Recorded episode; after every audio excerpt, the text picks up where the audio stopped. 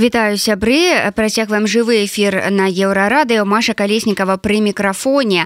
Но паколькі сёння панядзелак гэта значыць што у 13:00 па мінску з намі заўсёды незалежная экспертка паліталагіня роза турарбекова і мы як звычайна абмяркоўваем самыя цікавыя і самыя галоўныя падзеі апошніх дзён. Добрый дзень спадарня роза.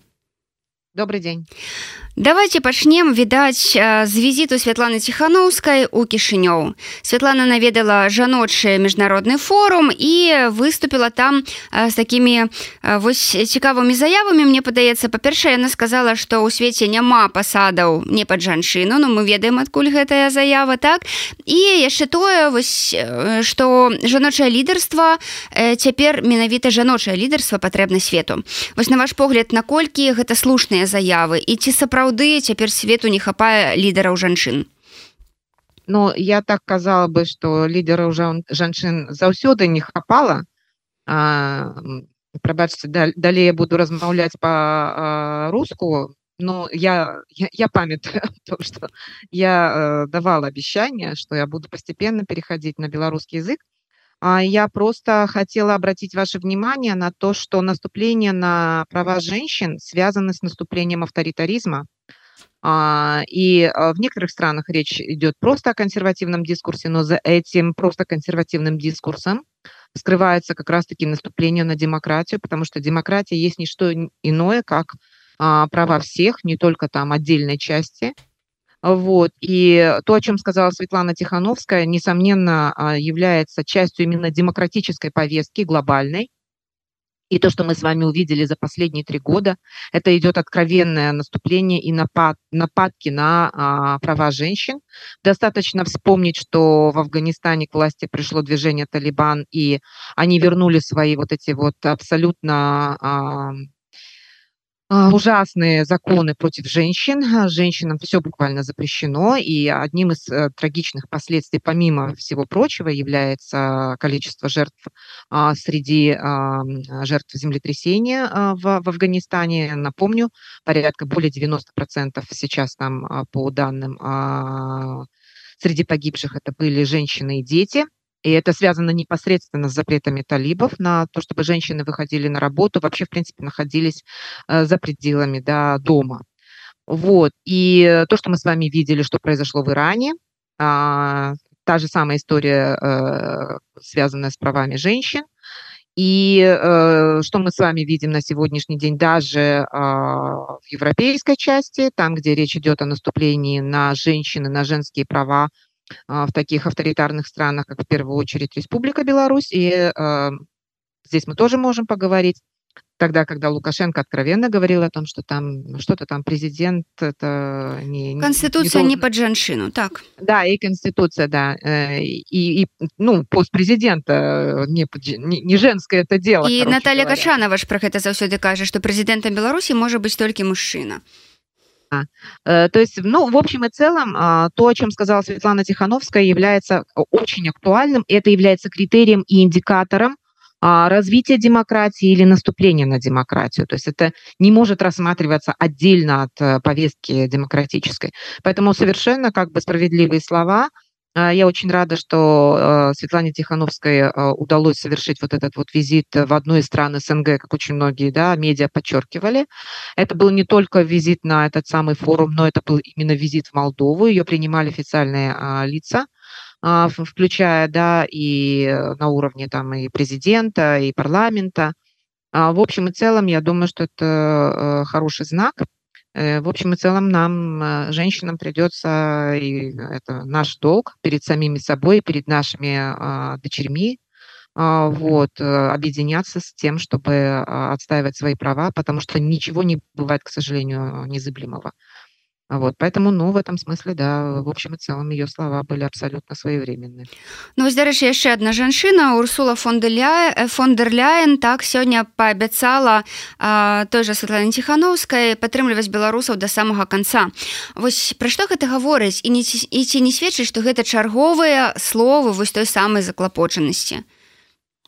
Я думаю, что Европейский Союз вырабатывает определенную стратегию уже в отношении а, белорусских демократических сил. И, по всей вероятности, эта стратегия носит долгосрочный характер, носить долгосрочный характер, о чем, собственно, наверное, Урсула фон дер Ляйен и говорила. И э, то, что расширяются контакты, в том числе постоянные контакты в различных форматах между так называемыми прото, да, там, властными структурами демократическими, как то кабинет, офис Тихановской, координационный совет, и европейскими структурами, то есть это носит не спорадический характер, да, от визита к визиту, от встречи к встрече, а теперь это речь идет о представительстве, то я думаю, что это является вот этим вот шагом в сторону вот этой долгосрочной а, стратегии. Ну, собственно, стратегия это и есть долгосрочная, да, политика. Стратегии в отношении белорусских демократических сил. И это ярко как бы демонстрирует вот этот вот контраст с сокращением контактов с а, режимом Лукашенко, с администрацией Лукашенко. Это вот, э, мне кажется, как раз в совокупности, если мы с вами на это будем смотреть, то ну, совершенно очевидно, что у ЕС появляется именно стратегия в отношении белорусских демократических сил, на кого они все-таки будут делать ставку. На самом деле, не исходя там из каких-то конъюнктурных политических соображений делать заявление, а уже э, всерьез, надолго, комплексно и системно. Конечно, попытки прервать эти контакты, вставлять палки в колеса, ссорить между собой, а, это, эти цели понятны, это задачи режима и в первую очередь спецслужб, да, то, что мы с вами наблюдаем, это вот, например, на уровне Литвы было видно, да, вот этот вот случай с э, литвинизмом. литвинизмом. Да, попытки потом были еще такие же разные вбросы, но уже вырабатывается какой-то ну, и иммунитет, и механизмы, с помощью которых вот эти все вопросы снимаются. А, чему я, честно скажу, а, очень рада, потому что, с моей точки зрения, мы преодолеваем наши застарелые проблемы, вот, о разъединении белорусских демократических сил, о разъединении старой оппозиции, да, использованием всех этих вещей а, режимом в своих целях. Мы, э, мы эту старую давнюю проблему таким образом преодолеваем. Мы находим возможности, инструменты. А, вот, и э, спасибо большое нашим европейским партнерам. Они идут навстречу и э, помогают нам в этом деле. Я нагадаю сябры што незалежная экспертка роза турарбекова госць сённяшняга жывога эфіру стаўце лайкі гэтаму відэо как каб яго як магла больш людзей магло паглядзець. Натуральна задаваць пытанні спадарні розы. А на, на мінулым тыдні вось такой яркай падзеі у беларускай у беларускім інтэрнэце прынамсі ў твиттары так стала вось гэтая сітуацыя вакол інтэрв'ю Святланы ціхановскай расійскай новай газеце так дзе яна заявіла і пра імперскасць расійцаў вось так гледзячы ў вочы леазару так і распавяла э, чым беларусы адрозніваюцца ад расійцаў і чаму яна не хоча каб нас все ж клалі у адзін кош так беларусаў і расіяну. Я думаю што нашы гледачы і чытачы і слухачы ведаюць што потым пачалося. Расійскія лібералі вельмі пакрыўдзіліся на гэтыя словы Святланы ціхановскай. На ваш погляд спадарня роза чаму ўсё ж варта даносіць гэтую пазіцыю расіянам пазіцыю беларускіх дым сіл так? І ці ўсё ж патрэбныя вось гэтыя такія сувязі? Ціхановская заявіла што няма ніякіх там кантактаў паміж беларускай расійскай апазіцыяй. А можа быць яны ўсё ж патрэбныя это сложный вопрос, а, и я на него отвечаю очень там по, раз, по разным а, людям и разным группам, но не по-разному, просто стараюсь это объяснять. Это связано, во-первых, конечно, логично было бы, вроде у нас враг один, да, я имею в виду два диктатора, Путин и Лукашенко, и это было бы логично, если бы мы объединялись вместе с либеральной российской оппозицией. Но проблема заключается в том, что то, о чем сказала Светлана Тихановская, что и российское общество, и сама политическая либеральная оппозиция, они не выработали четкой позиции по Беларуси, по белорусскому вопросу. И отсутствие этой позиции э, настораживает и э, как бы останавливает в подобного рода альянсе, да, стремлении к такому альянсу. Это, э, я бы сказала, такая логическая, политическая да, а, вещь. А есть вещь еще эмоционально-психологическая. То, о чем, например, я рассказывала, это были далеко не российские да, эксперты, это были, например, там эксперты а, из а, западных университетов, да, в основном немецких университетах, которые все еще, ну, я бы сказала так, движутся по инерции в некоторых вопросах. И э, мне приходилось объяснять поведение белорусов буквально, да, например, как то, почему а, молодые белорусы не хотят общаться с российскими своими, там, я не знаю, коллегами, студентами, магистрантами или докторантами, а дистанцируются, а, почему они не хотят говорить с ними по-русски, почему они переходят исключительно на белорусскую мову и не хотят э, развивать дальше вот как бы вот это э, использование этого общего языкового, да, русского пространства. И при том, что я сейчас говорю это по-русски, рассказываю по-русски, объясняла я это по-английски, естественно. Вот, я объясняла этот психологический, эмоционально-психологический момент следующим образом. Объясняла я это через поведение молодых людей, которых я знаю лично, а, наших студентов, и не только наших студентов, но тех людей молодых, которые в 2020 году выходили на протесты, а, вот, которые являются патриотами своей страны. Далеко не всегда они были белорусскомовными до 2020 года, вот, но которые сейчас переходят, э, после начала войны, переходят вообще принципиально переходят на белорусский язык. Э, я объясняю, что для, для этого поколения русский язык а, является языком насилия а, и языком войны. И тот эмоциональный шок, который они испытали, а, мало того, что после протестов 2020 года, когда ОМОНовцы, избивая белорусскомовных, а, да, говорили им, говори там на нормальном языке, там, например, как там они с Дашкевичем, например, обходились, да, и не только с ним, вообще, в принципе, белорусскоязычные а, те, которые принципиально говорили на белорусском языке, они становились объектом номер один избиений, пыток, издевательств. И когда говорится «говори на нормальном языке», то есть э, что это означает? Что белорусский является ненормальным, это происходит где? В Минске? И это говорится белорусским молодым людям, которые уже воспринимают себя исключительно как граждане Республики Беларусь, для которых вообще такое услышать это просто дикость. А, вот, это первое, о чем я говорила, западной профессуре, говорила о том, что для молодежи белорусской, прошедшей через протесты 2020 года, избиений и насилия, это язык а, насилия именно. И привожу примеры эти. Потом говорю, это подкрепилось а, вторжением России в Украину.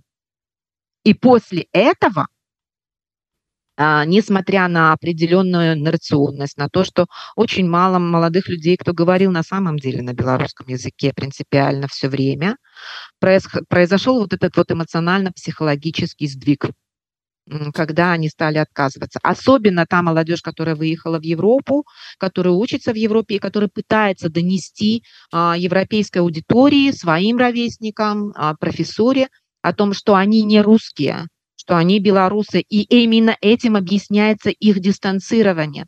Я, говор, я говорила западной профессуре, что нам нужно время, и молодому поколению нужно время для того, чтобы настоять на своей идентичности. А как по-другому это возможно, если их все время путают с русскими?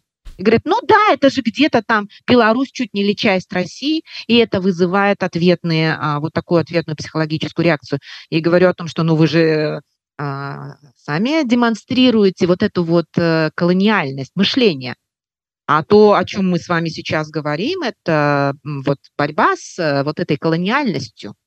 И э, борьба с этой колониальностью не только в отношении русских, русских либералов, но и в отношении э, европейской аудитории, которая считает, что если украинцы и белорусы настаивают на том, чтобы говорить исключительно на своем языке, да, и при этом дистанцируются от русских, ну, после насилия, после того, что э, сейчас разверну, развернута война, они не хотят вообще, в принципе, чтобы их хоть как-то там идентифицировали, э, и вы после этого пытаетесь про них сказать, что они там что, националисты, что ли? Э, я говорю, вы добавляете, вы не, вы не смягчаете ситуацию, вы только добавляете этим белорусским молодым людям желание а, доказать, что первое, Беларусь это не Россия, и Второе, Беларусь это не Украина. Беларусь и белорусы это отдельный народ, люди с европейским мышлением, со своей культурой, со своим языком. И до тех пор, пока не произойдет этого признания, к сожалению, вот ну, такое вот возможно. И а, необходимо признать в первую очередь и европейской аудитории, что, например, uh, Eurasian Studies или uh, Eastern European Studies, да, это не только Россия. Вот у меня недавно была встреча с а, голландскими политиками, молодыми демократами, которые меня спрашивали, ну почему же Советский Союз был единой страной, развалившись на вот эти 15 частей, почему у каждой страны настолько отличный путь? Я говорю, потому что они никогда не были одинаковыми. Вы просто этого не знали, теперь вы это видите, насколько отличаются Беларусь, например, от Казахстана, или там э, Украина от Узбекистана. А, вот. Ну уж тем более про страны Балтии. И говорю, это, это, говорю, вам становится очевидным только теперь. Это, это у меня вопрос уже к ним. Я говорю, как вы до сих пор задаетесь вопросом, и вы нас всех хотите отдать на откуп русскому миру?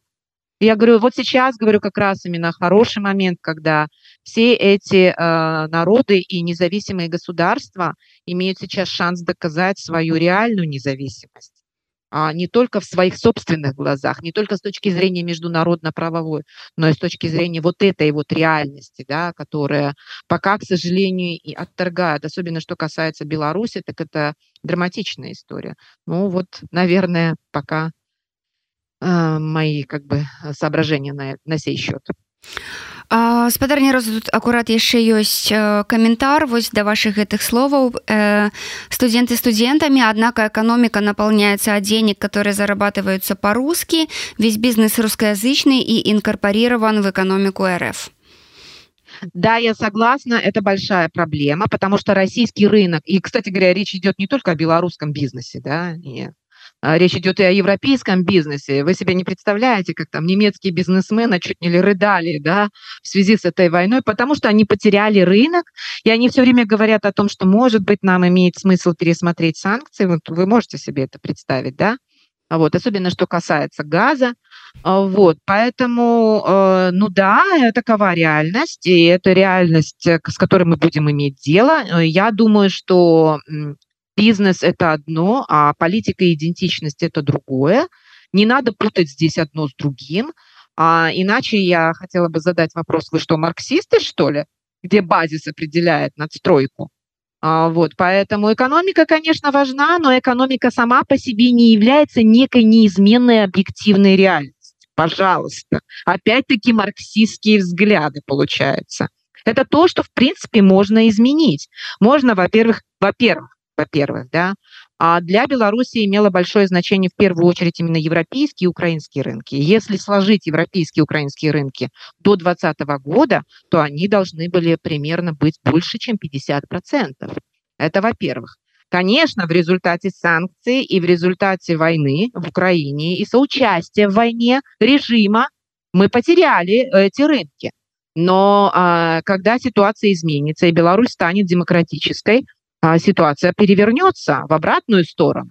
И об этом все время Тихановская говорит о том, что мы вернемся, и вер... не наш бизнес вернется и в Европу, и в Украину. Более того, я хочу вам сказать, эти рынки были, насколько я понимаю, более маржин... высоко нежели чем российский рынок. Сейчас, конечно, ситуация катастрофическая для белорусской экономики – более 85%, по-моему, экспорта белорусского идет именно на российский рынок. Но это не означает, что на российский, российский рынок к нам принадлежит всегда. У нас там уже конкуренция очень серьезная. По поводу чего-то создалась, была создана эта комиссия во главе с Крутым я имею в виду господином послом да, а, администрации Лукашенко в Российской Федерации.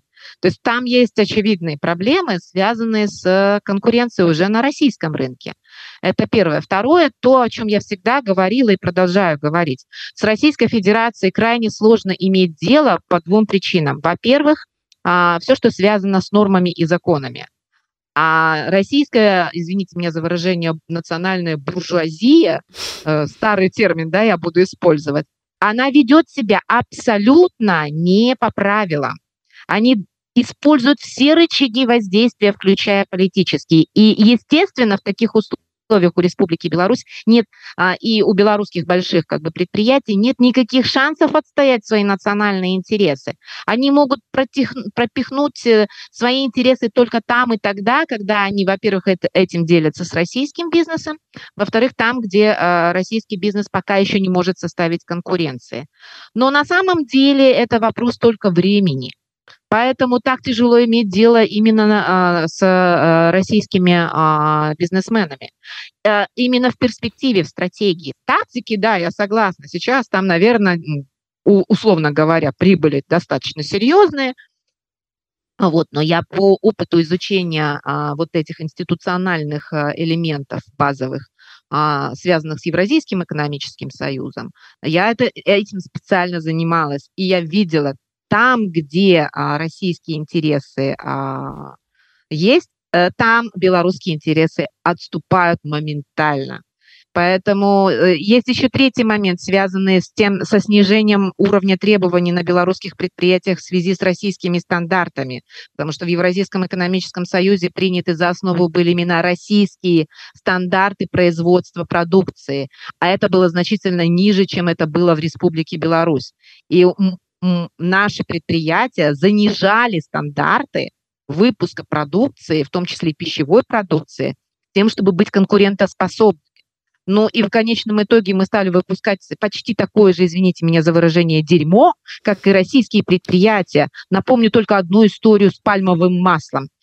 А бизнес бизнесом, послушайте, но когда речь идет о безопасности, в том числе пищевой безопасности, безопасности здоровья граждан, да, слушайте, совесть имейте, как бы не кормите людей пальмовым маслом и вот таким вот под, подобного рода низко низкого уровня да, продукции, который сейчас завален весь белорусский рынок. Нам, а, мне об этом постоянно говорят люди, которые сейчас остались в Беларуси, что сейчас на полках а, да, магазинов творится. Не в Минске, в районных городках, да, например. Там 30% белорусской продукции более или менее качественно, все остальное это российское, извините меня за выражение, не буду дальше говорить, да, не очень высокого качества продукция. Э, не, не очень высокого качества, это значит какого? Не соблюдаются эти стандарты. Если, если вы будете кормить детей вот этим, я хочу сказать, а, а вообще этот бизнес нужен правда? Серьезно?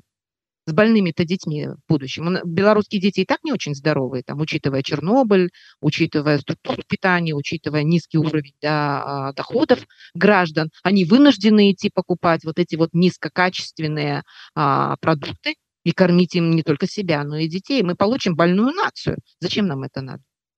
Так что я бы... Э, вот бизнес – это хорошо, я понимаю, это рационально, это математика и прочее. Но давайте еще и э, будем рассматривать все остальные факторы. Стратегически нам с Россией не по пути.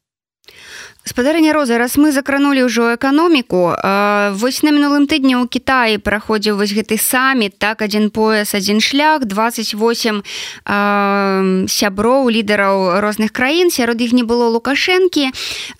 У нас у студыі натуральна ўжо выказваліся меркаванні наконт таго чаму яго не было маўляў раз там быў Путін то там не магло быць лукашэнкі бо Кітай ўжо лічыць што Беларусь гэта дэ-факта расійская тэрыторыя гісторыя яшчэ казалі что ну просто там няма чаго было рабіць лукашэнкі тому что як бы ён не ўпісваўся у гэтую всю гісторыю на ваш погляд чаму ж ўсё ж не запрасілі яго туды Ну да, загадка такая серьезная. А, ну, во-первых, я не думаю, чтобы компания Лукашенко там бы серьезно все попортила, да, потому что там были представители движения Талибан.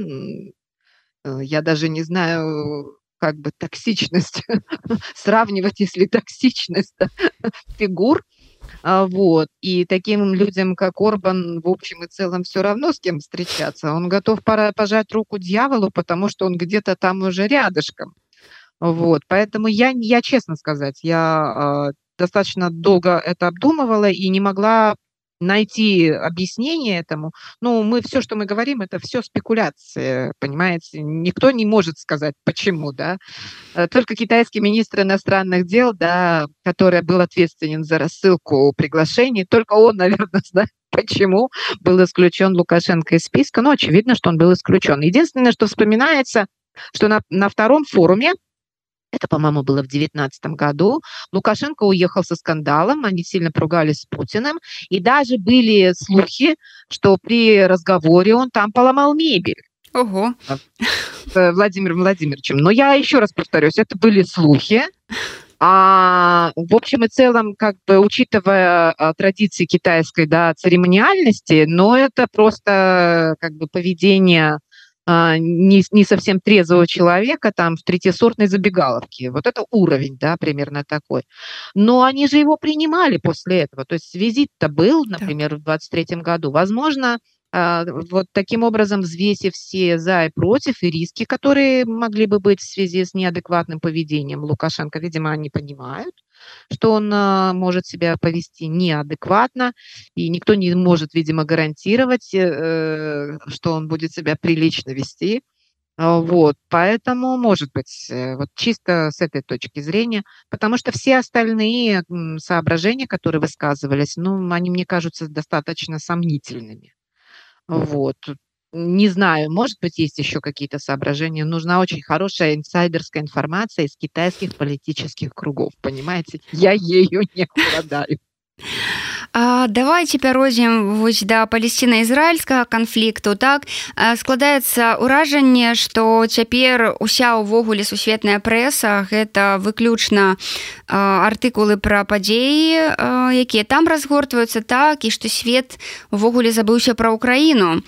І як некалі ў кіяў цяпер у тэлявіў з'язджаюцца сусветныя лідары а, а германія напрыклад увогуле заявіла што ў бюджэце на наступны год 24 у яе няма няма грошай на дапамогу ўкраіне вось ці сапраўды сітуацыя ў ізраілі і палістыне яна больш важная для сусветнай супольнасці і для нейкіх геапалітычных момантаў так чым тое што адбываецца ва ўкраіне но я бы не стала таким образом говорить а другое дело, что палестино-израильский конфликт конфликт давний, и в него в свое время было, в разрешение этого конфликта было вложено очень много средств, а, и катастрофа, которая может сейчас разразиться, гуманитарная катастрофа, она может иметь очень серьезные последствия, а региональные и глобальные. Даже с точки зрения экономической, э, цена на нефть растет, и причем, ну, она скачет буквально в условиях, когда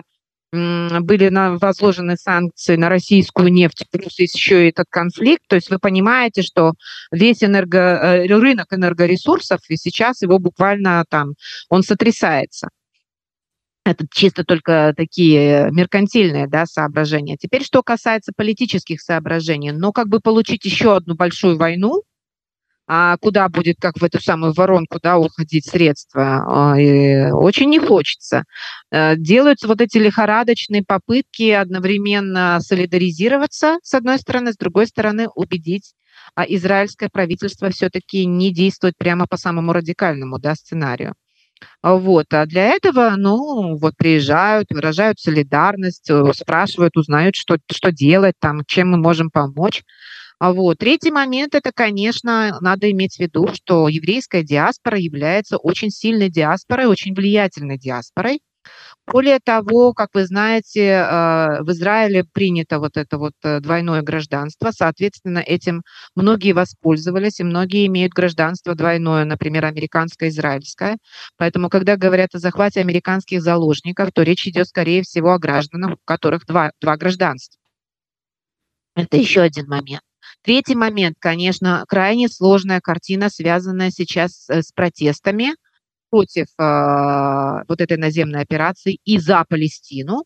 Я имею в виду массовые демонстрации, которые прокатились по Европе и даже в Америке. Mm-hmm. Это все свидетельствует о том, что и изнутри эти общества, они не выступают внешними только акторами, да, они же еще у них внутри а, возникает конфликт. Вот в чем дело. И они пытаются еще и этот конфликт как-то предотвратить. Не всегда умело, не всегда а, как бы считаясь с, со всеми э, интересами, но тем не менее пытаются. То есть в общем и целом я сейчас наблюдаю более стремление к более как бы умеренной э, позиции э, относительно этой операции, наземной операции в Израиле. А, э, в которой должна провести Цахал, да, израильская армия. но и сам по себе регион взрывоопасный. Вот в чем дело. То есть мы с вами уже видим Хизбалла, Иран. Исламский а, джихад. Подождите, там за ними еще что-нибудь э, возникнет.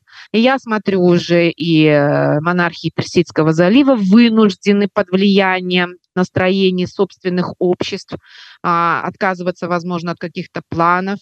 Вот налаживания отношений с Израилем, тем более, что у некоторых уже состоялось установление дипломатических отношений, я имею в виду Объединенные Арабские Эмираты, Катар и Бахрейн, и буквально накануне должны были быть установлены отношения Саудовской Аравии. Я думаю, теперь все поставлено на паузу, по меньшей мере. А в этих странах настроение у населения соответствующее потому что как бы подняты самые, как это сказать, э, сенситивные, да, чувствительные темы и вопросы. Я вижу сейчас и в твитах, и в социальных сетях у ведущих там лиц Персидского залива настроение. Они, была пауза, они молчали, а вот сейчас они все больше и больше, к сожалению, вынуждены втягиваться в то, чтобы оказывать поддержку хотя бы формальную поддержку Палестине, потому что у них собственное население. Какое? Оно не будет выступать на стороне Израиля, вы меня извините. После тех э, бомбежек э, Газа они уже не будут. После такого количества э, погибших среди мирного населения, они выбирают сторону. Эта сторона, конечно, логично, это палестинцы.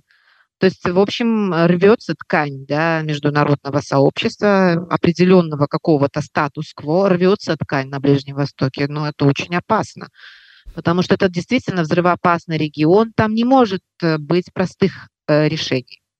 А я об этом говорила с самого начала, мою позицию восприняли как позицию не, не, не, неприятную, неудобную. А я не вешаю на свою аватарку ничей флаг, не потому, что я не сочувствую, например, израильским гражданам и вообще поддерживаю террор Хамас. Нет, конечно. Но просто я слишком хорошо понимаю, что за этим последует. И я уже вижу эти последствия. Мы эти последствия уже начинаем наблюдать. Еще операция. Подождите. А вы думаете ўсё ж аперацыя пачнецца там байден здаецца заклікае каб яны з ёй ўсё ж там э, не, не спяшаліся так? Але Ізраиль канешне мае намер просто знішчыць до конца хамас і патраціць на гэта столькі часу колькі на гэта спатрэбіцца. Ці гэта азначае что ўсё ж нейкая там трэцяя сусветная вайна на парозе Ну, вы знаете, я думаю, что образ Третьей мировой войны это такой э, образ, э, как бы это сказать, достаточно ошибочный. Почему? Потому что о, Третья мировая война это должна была быть, по идее, какая-то калька со Второй мировой войны, но с, с применением современных видов вооружений. Но этого не будет, потому что международные отношения сейчас не такие, как накануне Второй мировой войны. Вот в чем дело. И потом эта война была в определенных политических э, условиях, да. А, поэтому Третья мировая война, она вот в том виде, в котором мы ее себе представляем, ее не будет, ну, на мой взгляд. Мне кажется, это в этом ошибка наша с вами. Да, это все это проблема аналогии и переносов, она методологически крайне так э, ложная, я бы сказала так. Но вот что будет реально, а, конечно, Цехал проведет операцию. Они не могут ее не провести. Это было бы странно, если бы они этого не сделали. Вопрос о масштабах операции и целях операции.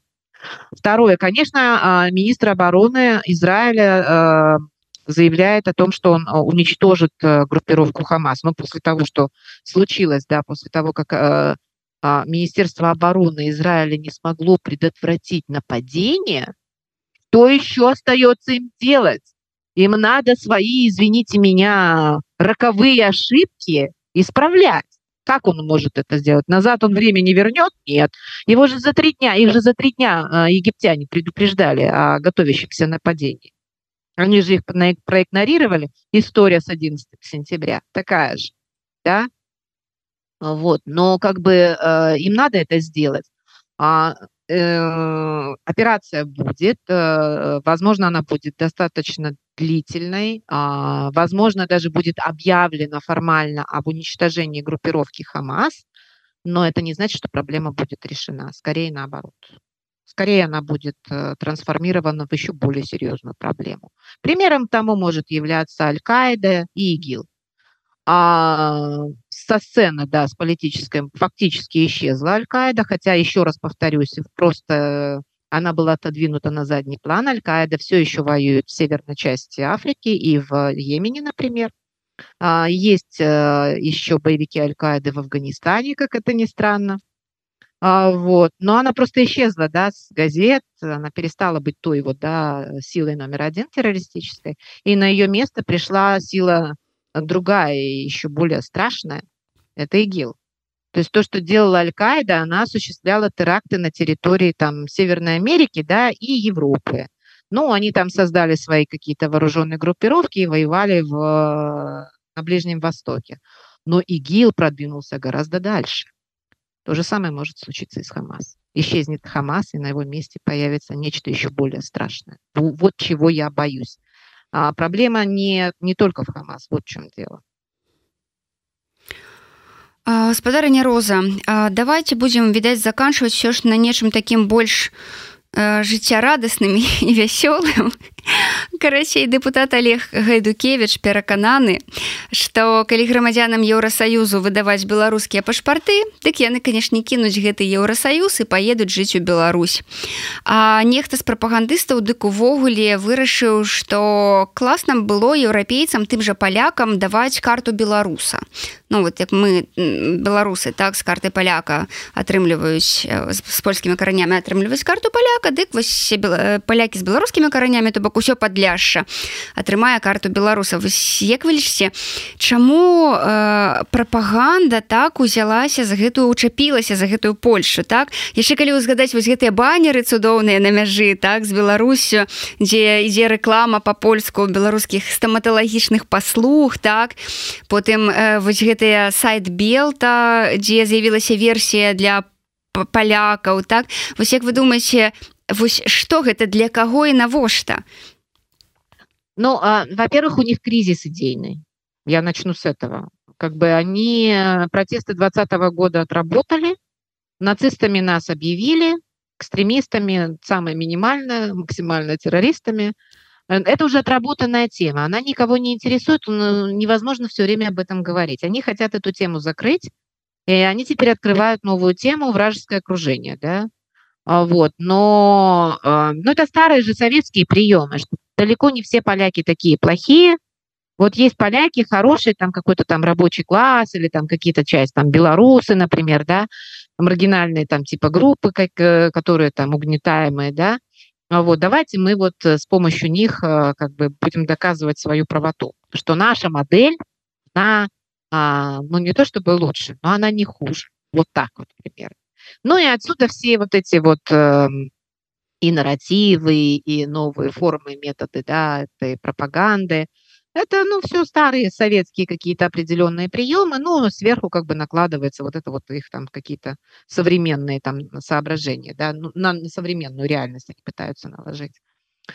А, они там э, говорят о том, не что происходит в реальности, а, а то, что а, понравится администрации.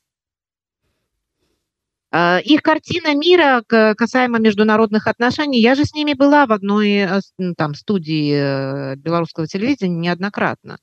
То есть я и Олега знаю, и Вадима Гигина, и Елфимова. Мы с ним коллеги в прошлом. Я их хорошо знаю. Вот. В голове там, конечно, ад кромешный. Я в свое время этому поражалась. Э, а потом поняла, целью является... Дело не в том, что они э, верят в это или не верят. Проблема здесь не, не в этом. Проблема здесь в том, что они ищут э, формы и возможности, которые бы помогли им в их карьере. Это э, и старая история пропагандистов. Они не верят в то, что они говорят. Они пытаются через свой разговор угодить, попасть в мейнстрим сверху доказать свою не просто лояльность, а необходимость и через это сделать карьеру. Вот как. Но это как бы касается умных пропагандистов. Ну, пропагандистов не очень умных, тут мне уже сложно. Я не могу на этот уровень как бы снизиться и понять, что происходит в голове у озаренка. Я вот этого уже не могу понять. То есть это, это что-то, это, это нечто иное, тут другое состояние. А, вот. Ну, например, искренне верующие ебатьки, да, я их могу понять, а, но у них такая картина мира, у них такое тоннельное видение, им удобно жить в той реальности, которую они себе вообразили, и отчасти она совпадает с тем, что они видят, а там, где она не совпадает с тем, что они видят, они ее отметают в сторону, а, вот, и считают это западной пропагандой. Вот и все. А вот э, с умными пропагандистами, которые на самом деле понимают, что происходит, вот с ними гораздо сложнее. Почему? Потому что они это циники. А эти люди опасны. И чем человек умнее и при этом лицемернее и лживее, да, тем страшнее с таким человеком иметь дело. Он готов оправдать все, что угодно. Это адвокаты дьявола фактически. Поэтому к адвокатам дьявола я бы стала относить тех людей, которые понимают, что происходит, но при этом занимаются вот воспроизвод, э, производством а, вот этого дискурса.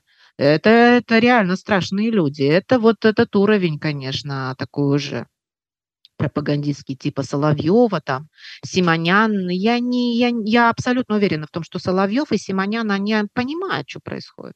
Абсолютно. Но они уже как бы на этих э, своих деньгах и карьерах, они уже настолько как бы там да, обустроились, выстроили вот эту свою карьеру на этом, что как бы им назад дороги нет. Они, они не могут назад вернуться. Вот, поэтому вот у нас тоже такие есть фигуры, которые я почти что уверена, что они понимают, что происходит, но продолжают нести эту галиматью. И эта галиматья а это причина их карьеры. Э, в основе лежит, конечно, мотивация карьерная. Но это реально страшные люди. То есть ну, это абсолютные лжецы. Они, они, они страшны. Ебатьки с ебатьками, ну да, придется там работать. Но если, если люди искренне верят в это, то с ними потом проще работать. Это, ну, в определенном смысле здесь необходима работа именно такая, просветительская. А этих просвещать не надо. У них другой. Вот, ну, мне кажется, такая история с Олегом Гайдукевичем – даже не знаю. Мне кажется, на подсознательном уровне он понимает, что все, все на самом деле не так. Но э, не хватает ему, конечно, и образовательного бэкграунда, и, ну, конечно, для него вопрос номер один – это карьера, это понятно. Поэтому он готов говорить все, что угодно и делать все, что угодно. Гаспадарня роза. І вось апошні лукашенко здаецца ў пятніцу абвінаваціў урад у хлусні. Сказаў што я разумею што вы мне тут падмалёваеце вось гэтыя лічбы гэта ўсю статыстыку гэта ўсё прыгожанька. Вось перыядычна ж гэта так адбываецца так? Памятаем што ўжо была сітуацыя там з прэм'ерам галоўчынкам калі ён сказаў што калі ты там сапраўдны мужчына то ты вось у такой-то сітуацыі мусіш ужо як бы і скласці свае абавязальніцтвы вось гэта сапраўды што ён все ж падазрае што малююцца гэтыя лічбы. Але гэта такія ўжо рэйкі з якіх складана вельмі э, сысі так? Ці ўсё ж э, чакаць нейкіх зменаў у ва ўрадзе? Но одно здесь другое не исключает кстати говоря. Во-первых начнем с того что это представление это шоу которому Лукашенко прибегал, ну, я даже не знаю, сколько раз. Я лично уже не, не, не берусь даже подсчитывать, да. А, ну, понятно, что теперь он готовит себе спасательный, как говорится, не то чтобы круг, но отплывает от правительства и делает их, э, как это сказать, э, крайними, вот ну, буквально выражаясь, да. А то, что они ему там рисовали картину красивую, так они же рисовали, исходя из его взглядов. Это же полностью его люди. Он же прекрасно понимает, что э, они ему преподносят ту картину, которая должна соответствовать его планам, а не ту картину, которая в реальности. Те, которых говорили ему правду, известно где, их рядом нет уже, да. А вот поэтому э, в этом отношении все понятно. Первое – это шоу. Видимо, таким образом Лукашенко готовит общество к тому, что надо затянуть пояса, оказывается, все не так хорошо. Вот это, ну, это такая, это цикл у него такой идет, да. Второй момент, связанный с отставкой правительства. Возможно, что он сделает ведь кого-то крайним, да кто там и не удержится там. Возможно, это будет и Головченко, возможно, это будет там и не только Головченко. Но не суть, не они же решают на самом деле. Управляется страна не кабинетом министров. Администрация президента управляет страной, это очевидно. И как бы все приказы, указы, директивы исходят оттуда – вот, это кабинет, э, как бы, ну, такой э, оператор, я бы сказала. Вот кто это. Это не кабинет, поэтому и министры там не министры, они пусть не воображают, что они министры. Куда им до министров настоящих, таких как, например, э, европейские министры? Нельзя сравнивать Аналену Бербок с господином, господи, я уже, вот понимаете, я даже уже фамилии забываю, с министром иностранных дел, да, Беларуси. Ну, нельзя, потому что он, он никто, у него креда нет, он он выживает, он приспособленец, он порученец, вот, и он будет козлом отпущения крайним. А Анна Лена Бербок, это, извините меня, с политическим кредо лидер зеленых, который на следующих выборах ну, получится у них там пройти хорошо, она войдет в коалиционное правительство, этот пост она себе э, заберет, потому что это будет результат ее победы, ее выборов, как говорится, а не там милости хозяина, барина, да. Поэтому как бы у нас вообще сравнений такие не должны быть.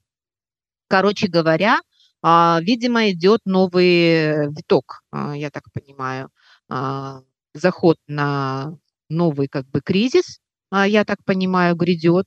И Лукашенко – это такая превентивная мера. Он уже заранее объявляет, кто виноват, Дело не в том, что он, как бы, а дело в том, что, ну, это, это э, правительство такое, оно его обманывало, Ему мешают. В свое время одна бабушка сказала деревенская, что он хороший, но вот просто ему мешают. Вот ему мешают. Вот он это разыгрывает, это я не знаю, сколько таких представлений мы с вами видели. Я, я, уже, не, я уже сбилась со счета. А, но, тем не менее, находятся люди, видимо, в стране или еще где-то, я не знаю, которые верят в это. Ну, это очень низкий уровень должен быть грамотности, критического мышления. А, в целом, я не знаю уже, для кого он разыгрывает шоу. Ну, разыгрывает. Это его как бы политическая такая у него есть привычка.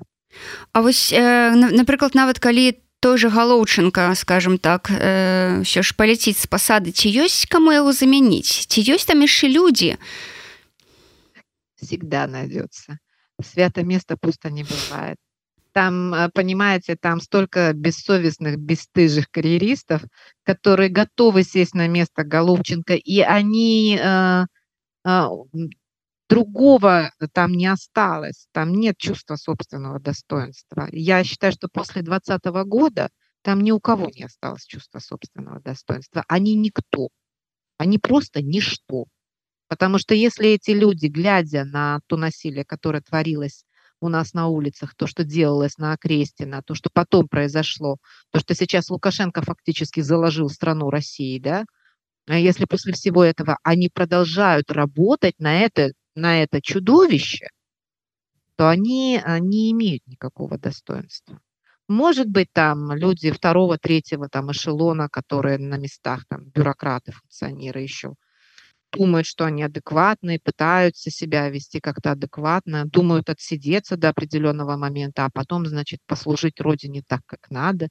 Или даже думают, сейчас они так делают. А вот. Но что касается первого эшелона, это они все, это люди, лишенные достоинства. У них нет своего мнения. Они не могут себе его просто позволить. А если вы не можете себе это позволить, со временем вы просто-напросто забудете, как это делается. Поэтому я не думаю, чтобы э, не нашлось человека.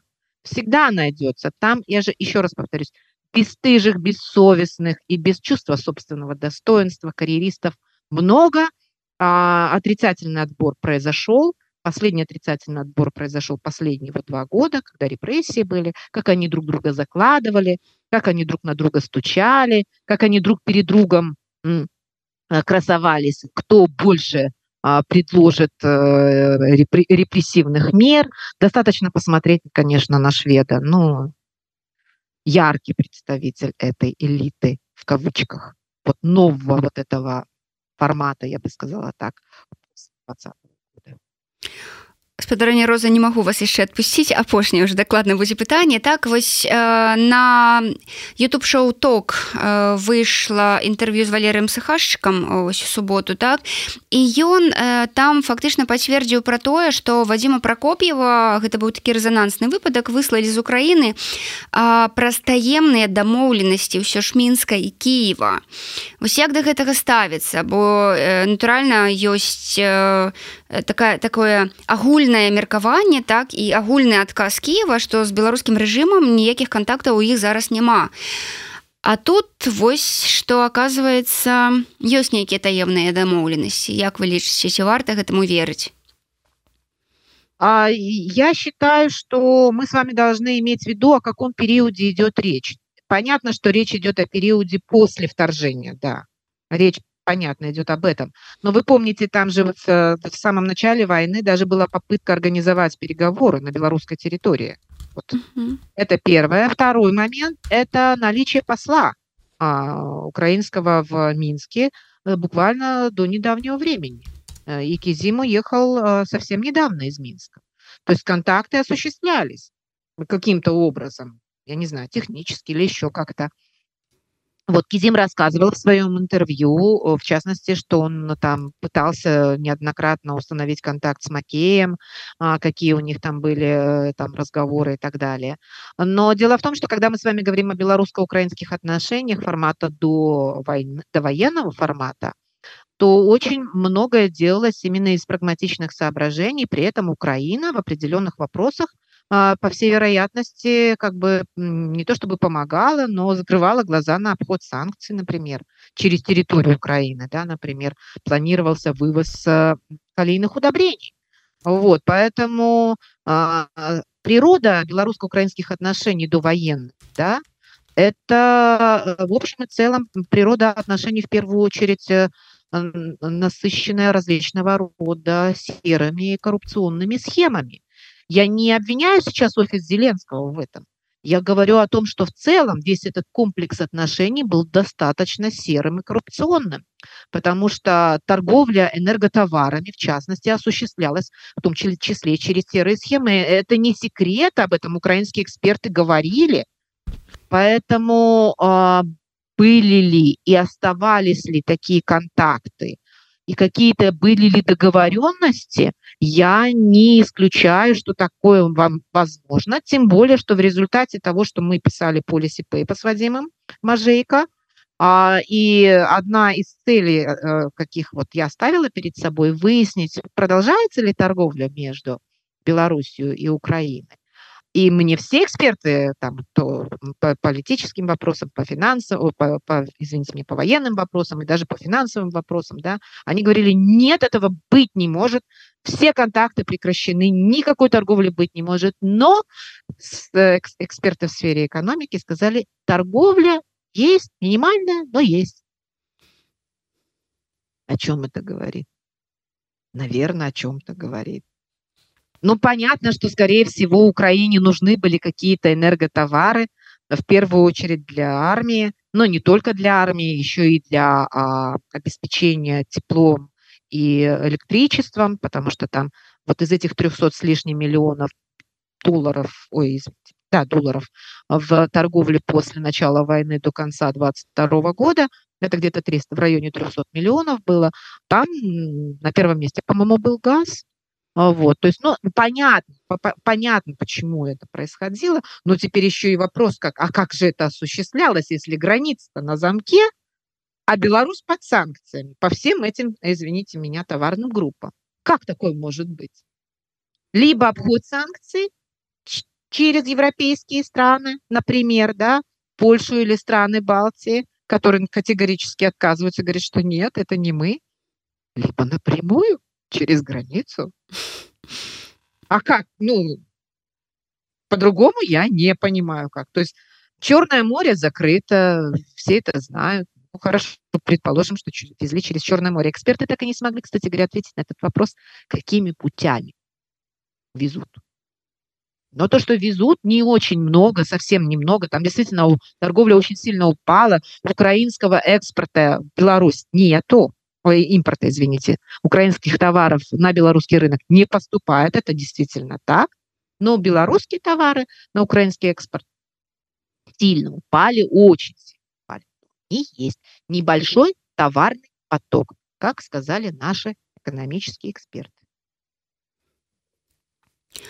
Ну э, я вось тут паглядзела канешне што пракоп'яў пакінуў Беларусь э, ой украіну летом 22 -го года а тады насамрэч праўда быў яшчэ амбасадар ён яшчэ працаваў таму канешне маглі быць э, любыя контакты и дело не только может быть в после. Дело в том что в окружении лукашенко есть люди которые отвечали за украинское направление и э, по всей вероятности с украинской стороны тоже были, э, но э, это в основном были э, олигархи, такие как Медведчук, например. Медведчука, вы знаете, арестовали. Но арест Медведчука, как и до этого а, изгнание из страны Януковича и его семьи, не прекратило торговлю в сфере энергоресурсов. Вот в чем дело. То есть эта торговля существенно упала, она снизилась там чуть не ли до нуля. Энер- энергетику вообще не стали покупать. То есть там разъем произошел энергетических сетей. Это все правда. А вот. Но как бы газ, да, там еще некоторые вещи, да, в малом объеме есть. Значит, есть люди. Э, надо внимательно посмотреть на окружение Лукашенко, кто отвечал за украинское направление. Я так полагаю, они, они, они являются истинными проводниками различного рода договоренностей, и они курируют украинский вопрос. Вот в чем дело. Спадарыня... Даже дело не в после. Угу. Спадарня роза я дзякую вам за размову мы з вами прагаварылі сёння 56 хвілін рэкорд поставілі сябры дзякую таксама што былі з намі увесь гэты час. І у вас тут сапраўды сёння нейкі такі просто ажыятаж у чаціку. Абмяркоўваюць палітыку наши чытачы вельмі прыя... прыемна. Нагадаю што роза турарбекова незалежная экспертка паліталагіня стала госцей жывога эфіру еўрарадыё. Са спадарня розы сустрэнемся роўна праз тыдзень. І зноў абмяркуем э, самыя цікавыя і важныя падзеі якія вось здараюцца ў наш складаны час. Добрага ўсім тыдня і добрага дня. Дзякую яшчэ гаспадарня роза. Доброго дня